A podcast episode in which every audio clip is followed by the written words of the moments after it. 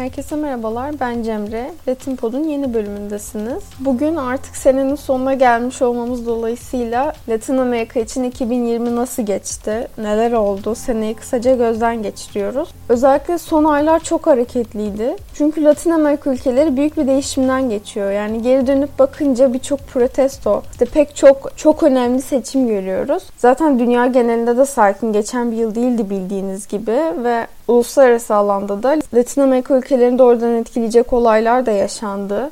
İşte Amerikan başkanlık seçimleri bunların en önemlisi sanırım. Ya da buna bağlı olarak Rusya ve Çin'le ilişkiler derken gelecek sene bizi neler bekliyor? Merakla bekliyorum. Böylece ben de kendimce Latin Amerika'da gerçekleşen ve önümüzdeki senelerde de üzerine konuşacağımızı düşündüğüm önemli olaylardan kısaca bahsetmek istiyorum. Ocak ayında Peru'da gerçekleşen seçimlerle başlayalım. Senenin başında henüz dünyamız için işler bu kadar karışmamışken Peru önceki seneden kalma bir krizle meşguldü aslında. Çünkü parlamento ve devlet başkanı Vizcarra karşılıklı birbirlerini tanımaz olmuşlardı. Yani Vizcarra parlamentoyu feshetti. İşte parlamento Vizcarra'nın yerine başkasını getirmeye çalıştı ama başarılı olamadı derken Peru erken seçime gitti ve Ocak ayında parlamento seçimleri gerçekleşmiş oldu. Sonuçlar da ilginçti çünkü öyle büyük bir kazananı olmadı seçimlerin. Yani en fazla oy alan partinin oyu dahi %10'larda kaldı. Yeni partiler meclise girebildi ve güçlü partiler ciddi oranda destek kaybetti.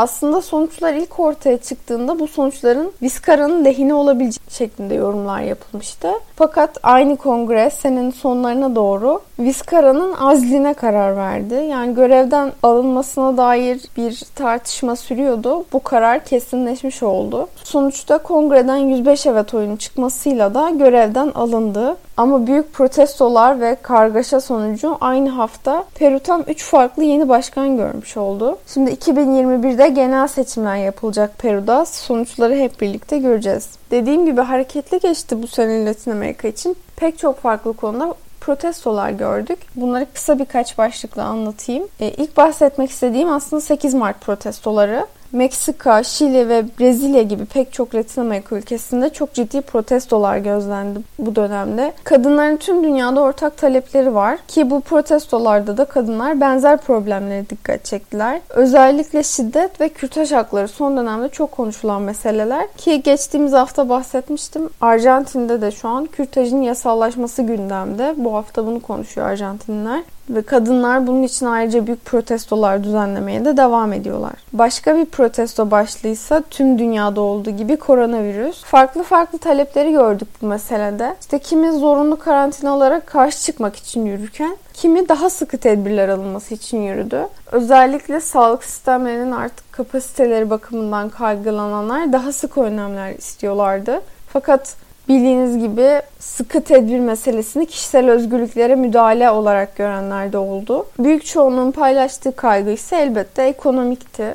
Arjantin, Brezilya gibi ülkelerde az önce saydığım sebeplerden işte farklı farklı zamanlarda ciddi protestolar düzenlendi. Son protesto başlıysa ırkçılık. Amerika'da bu sene George Floyd'un öldürülmesinin ardından gerçekleşen protestolara gayet benzer şekilde Kolombiya'da e, günler süren protestolar düzenlendi Ekim ayında. Nereden çıktı bu protestolar? Başkentte Javier Ordóñez isimli vatandaş polis tarafından öldürüldü ve bu anın videosu yayıldı internette. Çok büyük tepki gördü elbette ve maalesef can kayıplarında yaşandığı bir protesto dizisi yaşandı. 2020'nin ilginç olaylarından bir tanesi Venezuela'da Maduro'ya karşı bir darbe girişiminde bulunulduğu iddia ediliyor. Şöyle ki Mayıs ayında Venezuela'da işte kıyıdan ülkeye girmeye çalışan 13 kişilik bir grup tespit edilmişti.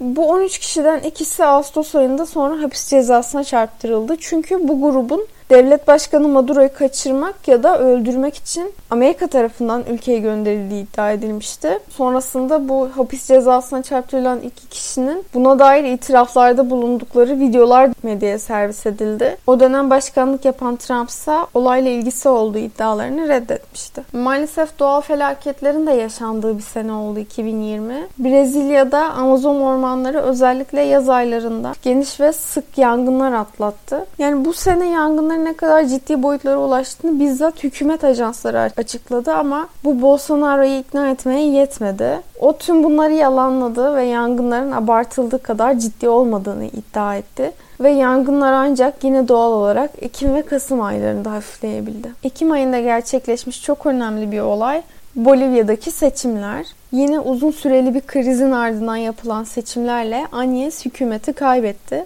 Morales'in partisi MAS ve MAS mensubu Luis Arce ise tekrar sahnedeler. O zaman da bu seçimin sembolik olarak da önemli olduğundan bahsetmiştim. Çünkü yalnızca Agnes hükümetine değil bizzat Amerika'ya bir başkaldırı olarak görülmüştü. Zira yani Morales'in Bolivya'dan sürülmesini Amerika destekli bir darbe olarak nitelendiren büyük bir kesim var. Seçimin ardından Morales de Bolivya'ya döndü zaten. Yeni hükümet de vakit kaybetmeden çalışmalarına başladı. Kasım ayında kabine kuruldu. E, Arsen'in önceliği ise ekonomik gibi görünüyor ki beklenen bir şeydi zaten. Yine kabineyi kurduğu gün yaptığı açıklamalara göre açlık, yoksulluğa bağlı sağlık krizi ve eğitim gibi konulara özellikle yoğunlaşacak yeni hükümet. Bolivya'daki seçimlerin hemen ardından benim şahsen de çok sevindiğim bir mesele Şili'de bir referandum gerçekleştirildi. E, bu referandumda Şili halkı Pinochet döneminden kalma anayasanın yerine yeni bir anayasa yapılmasına karar verdiler. Bunun yanında sorulan sorulardan bir başkası referandumda yeni bir anayasa yapılacaksa da bunun kimler tarafından yapılacağı meselesiydi. Burada da halkın içinden bu iş için seçilmiş bir kurulun anayasayı yazması yönünde oy kullandılar. Büyük zafer çünkü bu meselenin kökü geçen senenin protestolarına kadar dayanıyor. Beklenti ise buradan sonra özellikle sosyal hakların genişletilmesi ve muhtemelen bunu izleyen süreçte artık ekonomi politikalarındaki neoliberal vurgunun azaltılması. 2021'de anayasayı yazacak kurulu belirlemek için tekrar sandık başına gidecekler. Bunun ardındansa yazılan anayasa metni ayrıca oylamaya sunulacak. Son olarak geçen haftanın konusu Venezuela seçimlerine kısaca değineyim. Bu seçim kimileri için önemli olmayabilir bile. Çünkü muhalefetin bir kısmı tarafından yani en azından Guaido'yu destekleyen kanat tarafından boykot edildi seçim. Maduro muhalefeti yumuşatmak için uğraştı ama bu adımlar pek işe yaramadı. Çünkü kararlarından dönmediler ve Maduro liderliğinin meşruiyetine yeniden gölge düşürdüler. Tahmin edilebileceği üzere Maduro'nun partisi seçime katılanların çoğunluğunu oyunu alarak seçimden galip çıkmış oldu. Söylediğim gibi özellikle son ayları son derece hareketli geçti Latin Amerika için. Bahsettiğim olayları seçmenin sebebi dediğim gibi ileride 2021'de de bunları konuşuyor olacağımızı düşünüyorum açıkçası. Her şeye rağmen Latin Amerika'da umut verici olaylar yaşanmaya devam ediyor. Ben de 2021'in hepimiz için daha iyi bir sene olmasını umarak Latin Pod'un bu bölümünü kapatıyorum. Hepinize iyi seneler. Haftaya görüşmek üzere.